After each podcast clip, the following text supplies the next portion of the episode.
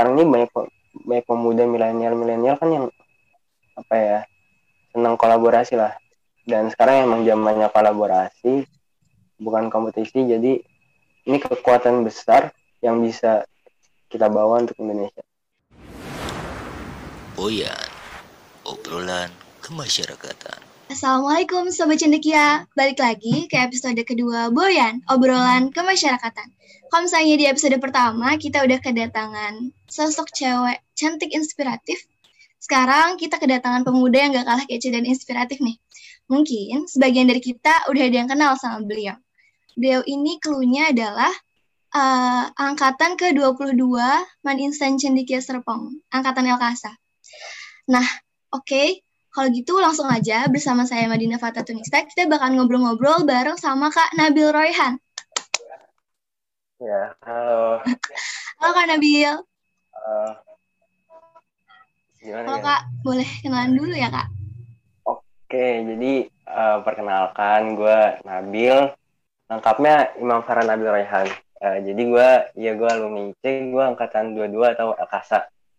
Uh, sekarang ini gue kuliah gue kebetulan lulus tahun lalu ya berarti gue angkatan 2019 dan sekarang kuliah di ITS semester 3 jadi sibukan gue sejauh ini sebenarnya nggak terlalu sibuk sih tapi gue banyak uh, berkecimpung kalau di selain akademik ya uh, itu gue organisasi sama ada gue ikut sebuah lembaga uh, pembinaan namanya rumah kepemimpinan. Jadi gue ada ada dua lah kalau misalnya di luar akademik ya karena prioritas gue emang akademik. Kalau di luar akademik itu dua itu.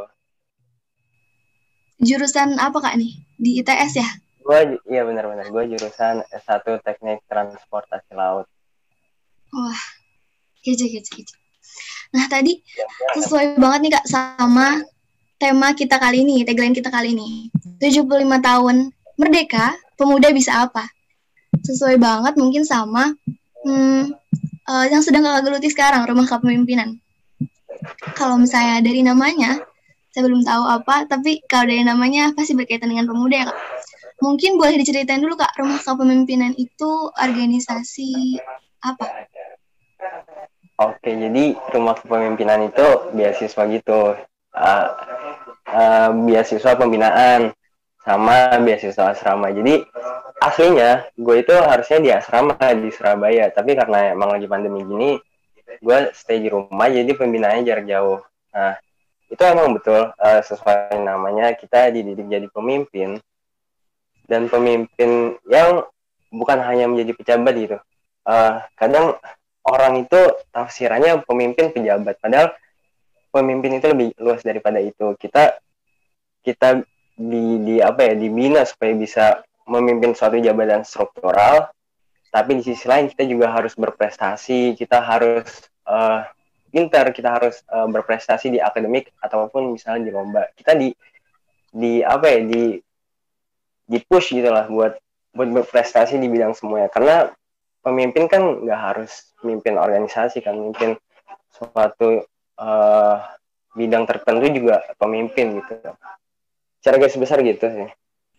Berarti rumah kepemimpinan itu intinya untuk memberdayakan pemuda lah ya kak? Iya benar-benar, benar. Banget.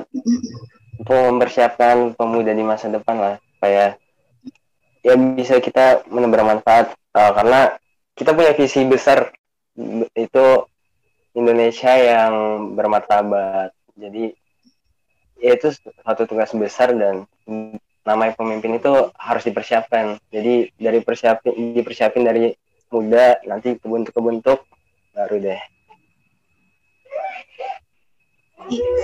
Nah, pas banget kita bakalan ngobrol-ngobrol tentang pemuda dan beberapa hal dan yang berkaitan dengannya.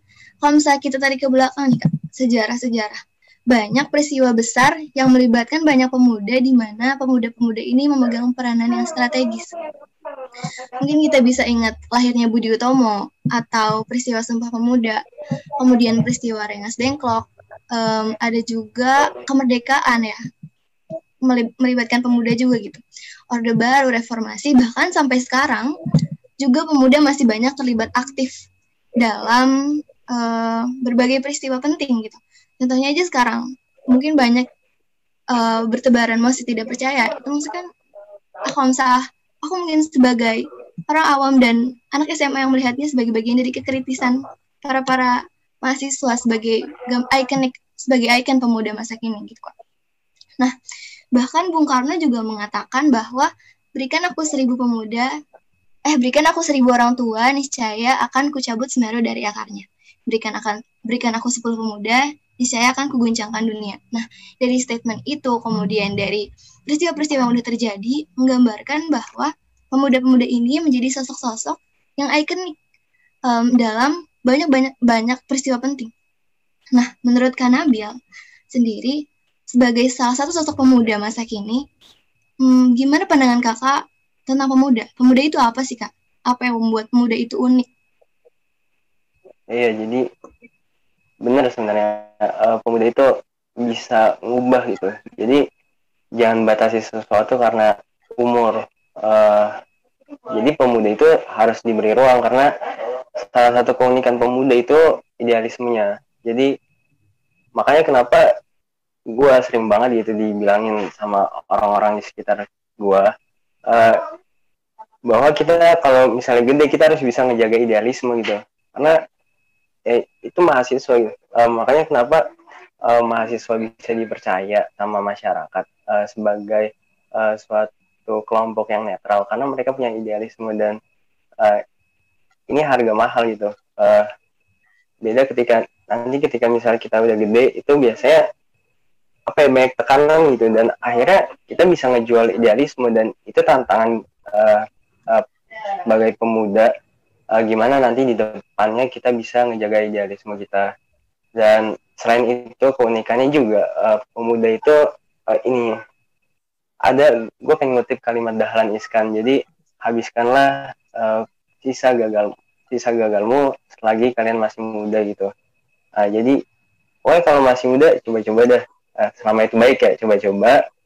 Uh, lakuin apa aja selama itu baik dan yang paling penting menebar manfaat. Jadi uh, karena itu juga sebagai modal pembelajaran buat di masa depan nanti ketika kita banyak mencoba kita banyak belajar uh, dan ini nanti bakal bermanfaat ketika kita udah gede, ketika kita udah terjun langsung ke masyarakat gitu.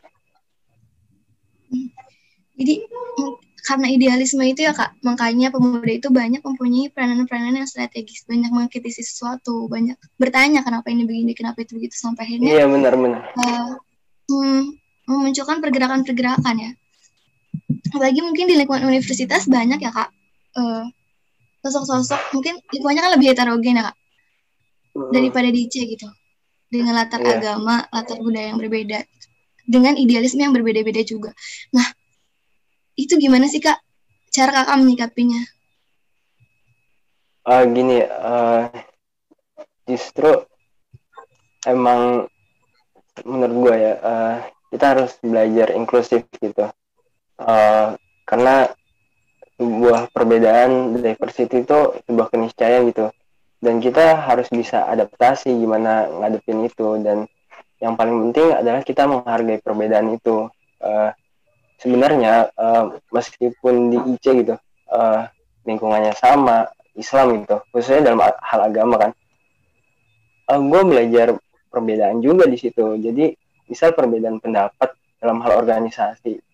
Gue belajar banyak di IC uh, atau misalnya bahkan dalam uh, kesamaan agama itu kan juga ada perbedaan kan. Uh, jadi gue gue gue waktu itu bukan orang yang banyak paham agama lah. Dan gue melihat teman-teman gue kayak berdiskusi tentang persoalan agama dikaitkan dengan pemikiran-pemikiran yang uh, apa ya pemikiran-pemikiran yang nggak nggak dikotakin sama agama gitu. Jadi ya itu menjadi pembiasaan juga untuk hidup uh, inklusif gitu. Jadi uh, bukan berarti di lingkungan IC karena asrama ketemu orang-orangnya itu itu aja agamanya itu aja.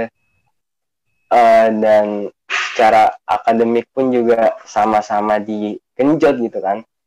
Bukan berarti kalian nggak bisa beradaptasi dengan lingkungan baru yang heterogen. Karena justru belajar banyaklah dari lingkungan asrama gitu untuk mencari perbedaan bukan untuk mencari perbedaan sih untuk uh, menghadapi perbedaan. Dan dari perbedaan itu apa yang bisa kita lakukan bersama-sama apa yang bisa kita kolaborasikan. Ambil yang baiknya lah. Nah ya, ya itu tadi uh, inclusivity itu uh, sebuah eh diversity itu sebuah keniscayaan dan kita harus punya inclusivity attitude uh, ya adaptasi lah gimana menghadapi perbedaan tan gini membaur tanpa kita harus menjadi ya ya membaur tanpa harus melebur ya benar ya kak. Jadi iya sih kak pasti setiap orang beda-beda. Aku setuju banget kalau perbedaan itu satu keniscayaan. Gimana cara kita ya gimana cara kita cerdas menyikapinya begitu ya kak ya? Iya. Kemudian ya dengan lingkungan insan cendik yang sekarang yang beda-beda juga uh, kurang lebih mengajarkan untuk gimana caranya survive nanti. Mungkin banyak membantu juga. Hmm, iya misalnya kayak kan di sana juga ada orang yang beda-beda kan dari asal daerah. Misal orang Jawa gue meskipun sebagai keturunan Jawa gue nggak bisa bahasa Jawa dan karena gue di IC justru gue akhirnya gue kan kuliah di Jawa. Gue udah punya modal skill bahasa Jawa gitu uh, gara-gara IC karena gue bahkan gue waktu itu sekamar empat orang kan. Tiga orangnya orang Jawa ngomong Jawa semua. Ya akhirnya gue jadi ngerti bahasa Jawa dan sekarang kalau misalnya di ITS ada orang ngomong bahasa Jawa gue lebih gampang paham sih. Ya jadi banyak belajar juga ya kalau misalnya dari perbedaan-perbedaan itu jadi mungkin teman-teman yang bisa di uh, highlight diversity itu diversity itu suatu keniscayaan gimana caranya tinggal di bagaimana cara kita menyikapinya membaur tapi jangan melebur catat catat oke okay. Balik lagi nih Kak tentang pemuda. Kita bakalan ngadepin bonus demografi di tahun 2045. Kalau di mana kaum milenials mendatang bakalan ada di usia produktifnya uh, dan kemudian mungkin akan memegang estafet pemerintahan yang lagi jalan sekarang. Nah, gimana sih Kak sebagai pemuda kita menyiapkan hal ini gitu? Biar ini tuh jadi satu hal yang berkah ya Kak, bukan masalah gitu uh, gini sih uh, gue sebagai pemuda uh, ini kan gue juga masih belajar gitu dan menurut gue emang uh, kunci utama itu harus belajar terus. Uh, gue uh, dikasih tahu bahwa kita itu harus berperilaku sebagai gelas kosong. Uh, jadi uh, jangan kalau misalnya kita da uh, dapat ilmu baru kita kita harus cari ilmu baru. Dan yang paling penting itu bukan cuma mendapatkan tapi juga menjaga. Karena misal kita belajar sesuatu sayang lah. Uh, itu kan bisa ketinggalan zaman. Uh, jadi skill belajar itu bukan cuma mempelajari hal baru tapi juga menjaga apa yang kita pelajari itu. Nah, jadi kunci utamanya adalah untuk belajar. Itu paling penting menurut gua asli banyak hal ya kak. Mungkin dari semua semua bidang mungkin ya. Kalau misalnya iya. kakak nih sebagai pemuda sekarang apa sih kak? Misalnya kan belajar itu banyak ya kak. Um, apa yang menurut kakak mesti gitu wajib harus pemuda masa kini tuh pelajari? Oh kalau itu banyak banget sih. Uh, paling utama ya belajar secara akademik gitu. Misal uh, gini kalau jadi pemimpin, gue punya prinsip uh, kalau kita mau jadi pemimpin atau bisa jadi ketua gitu urusan akademik kita harus selesai dulu jadi jangan sampai kita bermasalah di akademik. Uh, jadi paling utama itu adalah kita kewajiban utamanya apa? Belajar. Uh, eh, gue sebagai mahasiswa kewajiban utamanya belajar. Pekerjaan utamanya belajar bukan kewajiban utama. Uh, iya. Paling pertama adalah bagaimana kita mempelajari apa yang kita pelajari di dalam kelas. Nah dari dari yang kita pelajari dalam kelas ini kan nanti kita punya spesialisasi masing-masing kan. Misal gue di bidang maritim. Nah nanti orang lain di bidang apa gitu. Misal teknik industri atau yang satu fakultas sama gue deh uh, teknik perkapalan atau teknik kelautan.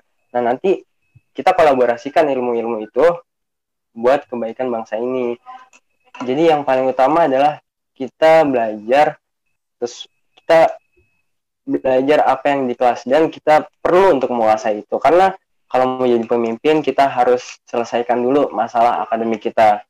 Baru selanjutnya kita belajar yang lain. Banyak banget. Pokoknya kalau ditanya belajar apa ya banyak gitu. Termasuk tadi yang gue sebutin di awal uh, coba-cobalah uh, apa hal baru gitu.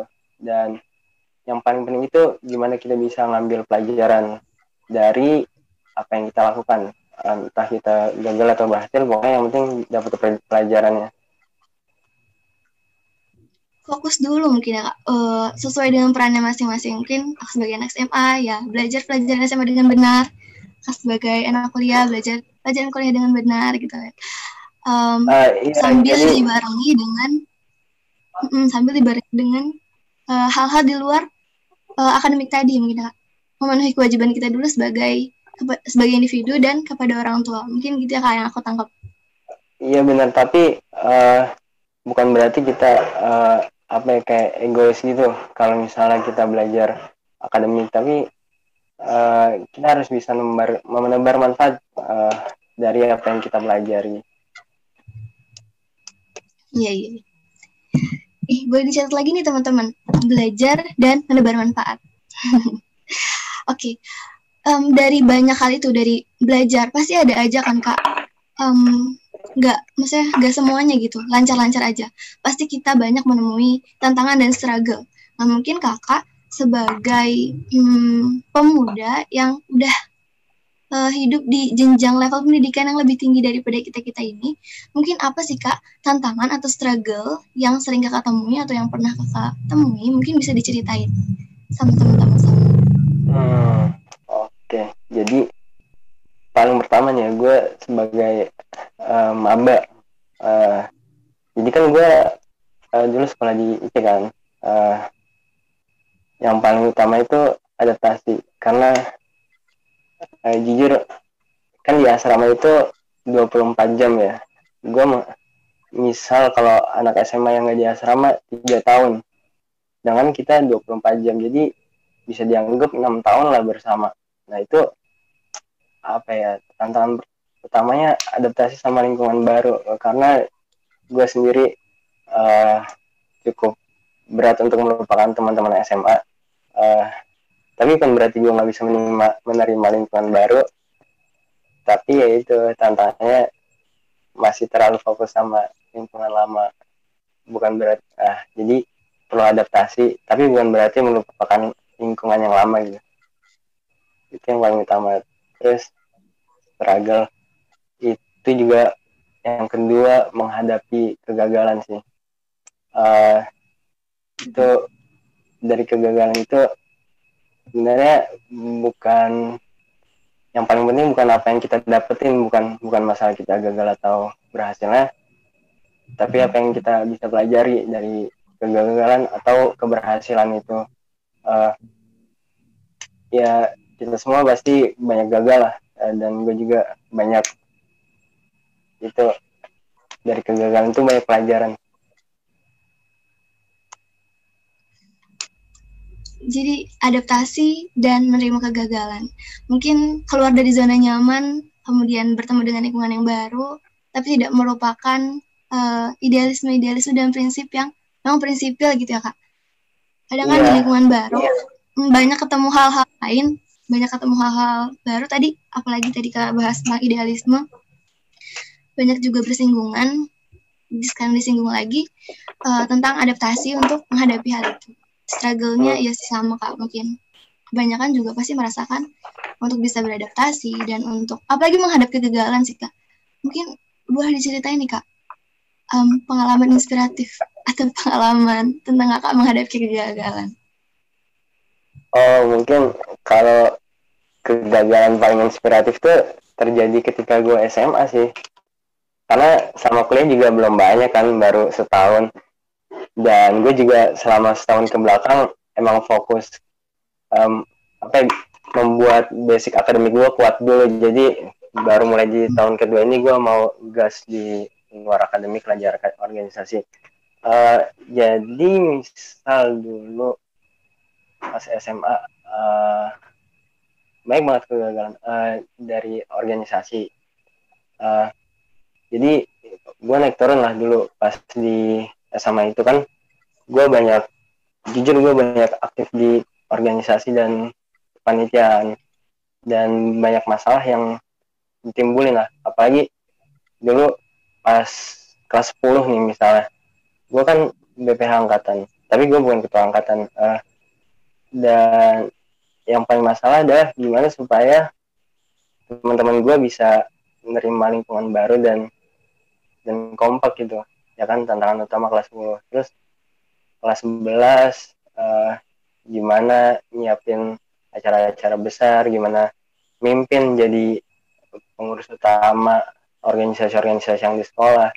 Dan ketika kelas 12 uh, tantangannya adalah kita harus nyiapin untuk fase kuliah tapi di sisi lain gue juga ada organisasi yaitu pensi kan uh, di mana gue juga waktu itu sebagai humas eh bukan sebagai humas sebagai dana usaha itu perannya vital gitu untuk sebuah acara. Karena ya duit datangnya dari situ. Kalau misalnya nggak ada duit mau dari siapa? Masa mau minta dari orang tua kan uh, yang nggak enak gitu dari komite uh, jadi itu tantangan uh, selama gue di IC uh, dan yang paling penting uh, selama gue di IC itu gue bukan hanya belajar organisasi gitu gue belajar politik uh, politik di dunia sekolah karena ada juga tapi saat ini gue belum bisa cerita tapi uh, ya secara detail banyak lah uh, uh, apa naik turunnya uh, bahkan gue juga waktu itu dari kelas 10 sampai kelas 12 gue sendiri secara akademik juga apa ya butuh usaha abis-abisan lah. Gue nggak kayak teman-teman gue yang yang superior gitu kalau secara akademik. Tapi gue berusaha uh, untuk survive secara akademik. Dan kalau di akhirnya secara akademik waktu itu gue uh, ini gue pernah suatu gue bermimpi untuk kuliah di Jepang. Dan ada seseorang yang uh, bahkan meremehkan gue uh, untuk nggak bisa lulus di situ. Jadi ya gue kecewa gitu. Uh, seseorang itu meremehkan gue padahal seharusnya orang itu yang paling mendukung gue lah. Uh, karena apa ya dia punya punya apa ya punya peran penting gitu terhadap apa yang gue lakuin uh, di sekolah. Tapi sayangnya dia nggak mensupport uh, gue bahkan cara halus bilang uh, kamu ini nggak bisa lolos gitu. Tapi gue akhirnya gue bisa membuktikan gue lolos uh, bahkan di tiga universitas di eh dua dua dua universitas Jepang lolos tapi tapi gue nggak nggak nggak nggak gue ambil karena secara beasiswa beasiswanya kecil jadi hmm. ada persoalan di finansial. Waktu hmm. itu kenapa nggak nggak nggak disupport karena gue dirasa harus fokus di SBM karena takutnya kalau gue fokus di Jepang itu gue nggak keterima SBM kan. Tapi kenyataannya gue justru keterima Jepang keterima di SBM juga. Banyak lah kalau misalnya kegagalan di SMA atau di IC itu organisasi atau akademik. Bahkan secara asmara pun juga banyak banget. Ya dinamis banget ya kak. Rasanya kerasa banget sih Bleach itu kayak banyak banget hal yang terjadi dalam iya, waktu yang berdekatan gitu. Kayak hal, -hal yang belum ya makanya kayak tadi itu eksklusif. Enggak justru justru dinamis banget itu itu uh, kayak anak-anaknya tuh soalnya gue merasa mereka tuh layak jadi pemimpin semua.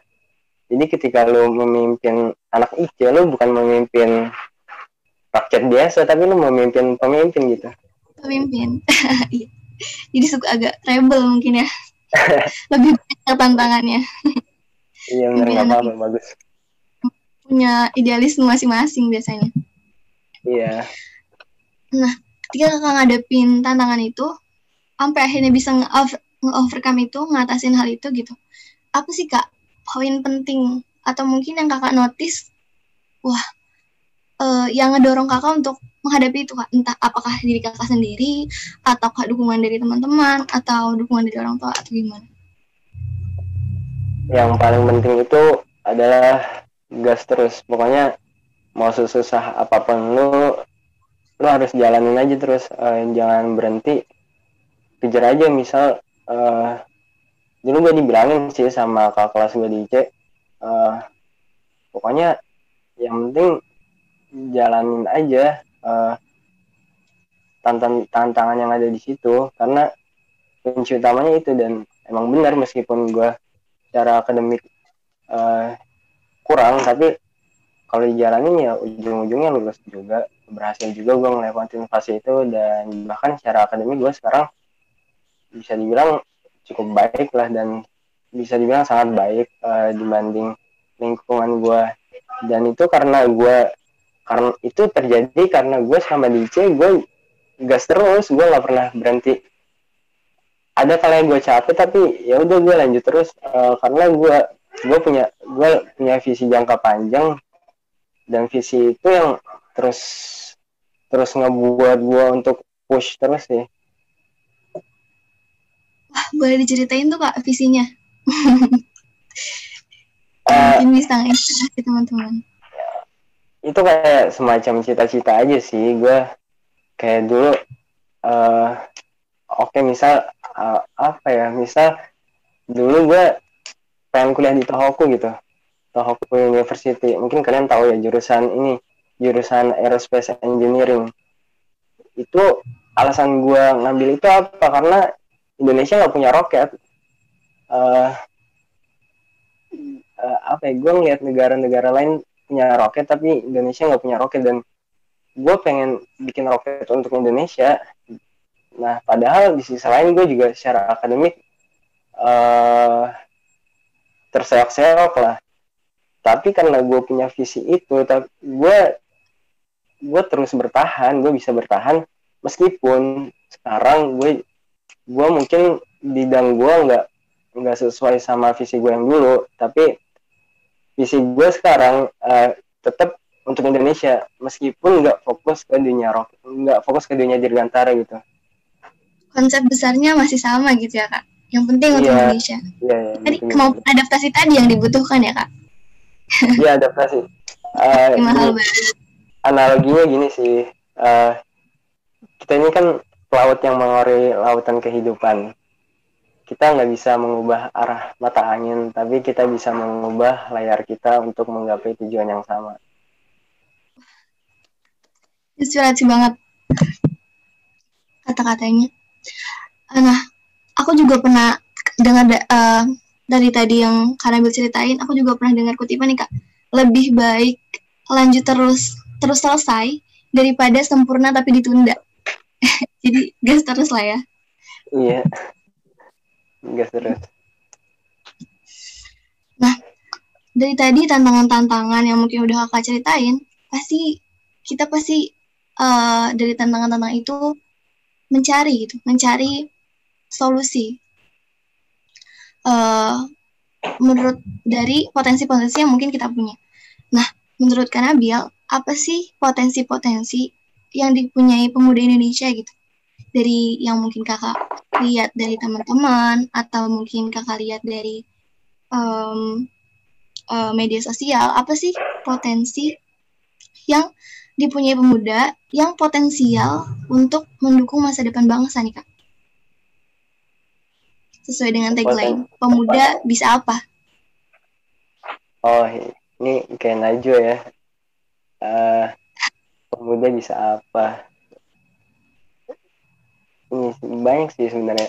Yang paling penting itu kolaborasi di masa depan. Jadi uh, visi pemuda itu yang paling penting untuk membawa Indonesia ke depan. Uh, visi inilah yang membuat kita semangat gitu untuk ngelakuin hal yang sekarang kita fokusin hal yang sekarang kita sukain untuk ke depannya untuk bangsa Indonesia ini. Itu jadi kolaborasi penting banget buat pemuda karena sekarang ini banyak banyak pemuda milenial milenial kan yang apa ya senang kolaborasi lah dan sekarang emang zamannya kolaborasi bukan kompetisi jadi ini kekuatan besar yang bisa kita bawa untuk Indonesia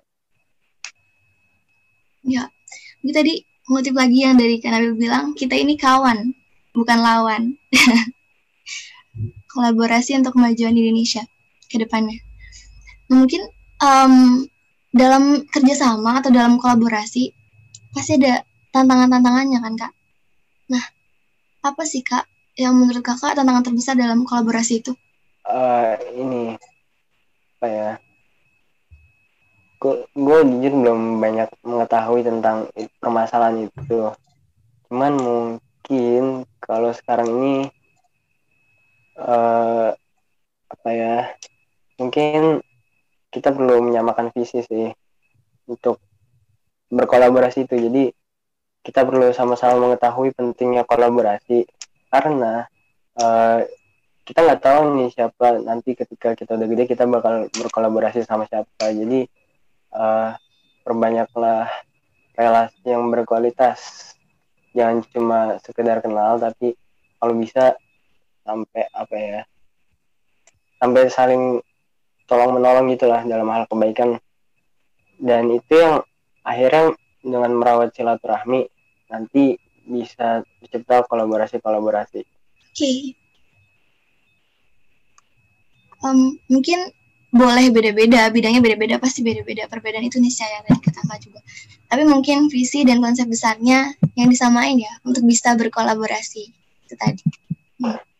Yeah. Nah, kemudian bentuk perjuangan, bentuk perjuangan kalau misalnya seandainya dulu kita mungkin pakai tombak atau pakai senjata, masih pakai otot lah. Nah, sekarang hmm, kakak sebagai pemuda bentuk perjuangan seperti apa nih untuk Indonesia ke depannya? Perjuangan seperti apa?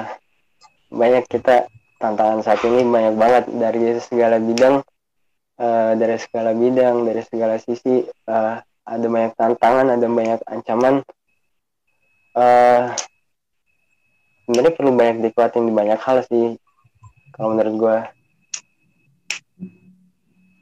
Gitu. Oke. Okay hal hal-hal yang mungkin apa mungkin namanya uh, fundamental yang mungkin harus dikuatin itu kira-kira apa nih kak mungkin bisa dipersiapin sama anak-anak SMA kayak kita sekarang. Apa ya gue juga secara garis besar yang perlu dikuatin untuk membangun Indonesia ya. Hmm, ya mulai semangat untuk berkembang itulah. Semangat untuk berkembang semangat untuk belajar itu paling penting. Uh, manfaatin waktu yang ada. Jangan sampai nyesel. Kayak misal sekarang ini gue ada di pembinaan kepemimpinan.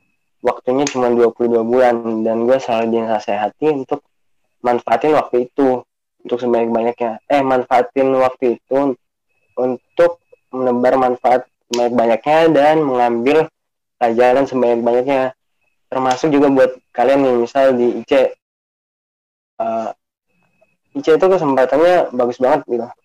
Uh, itu manfaatin baik-baik. Uh, misal kayak akademik dari akademik sendiri kayak semester 1 semester 2 kuliah itu seolah-olah cuma ngulang pelajaran IC dan nambah dikit-dikit lah.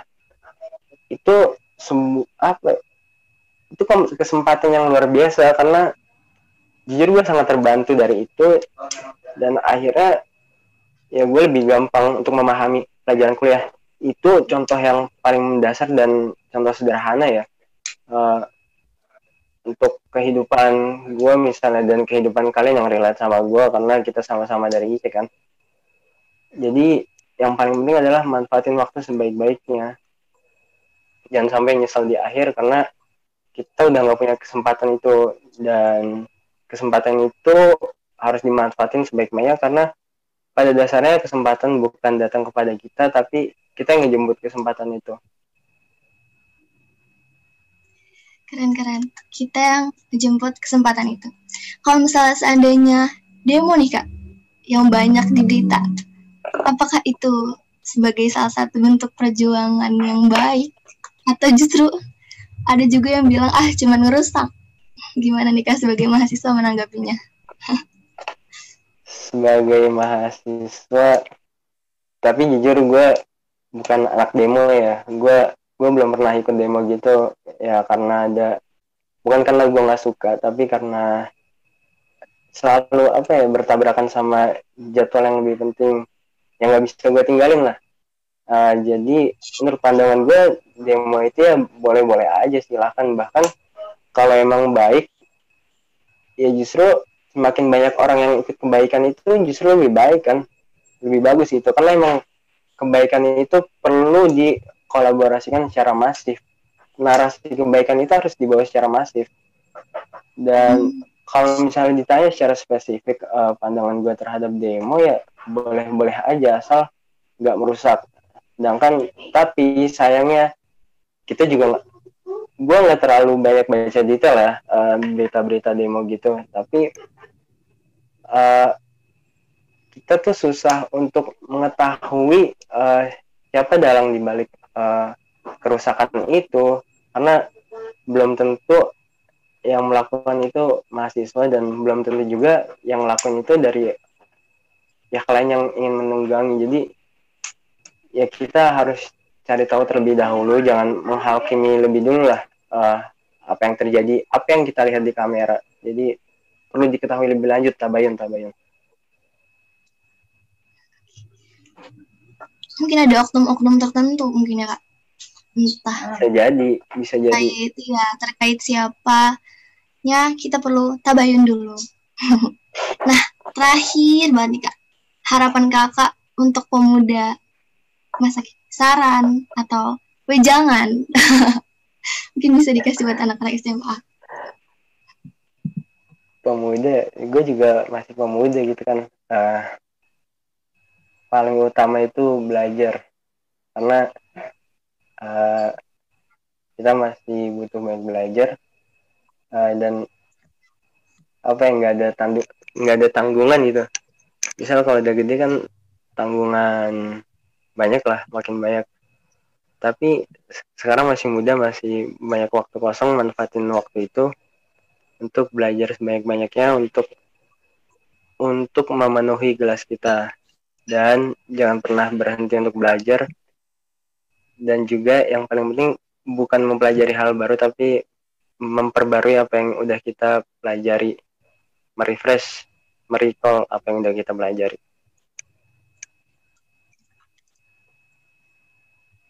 Cukup gak?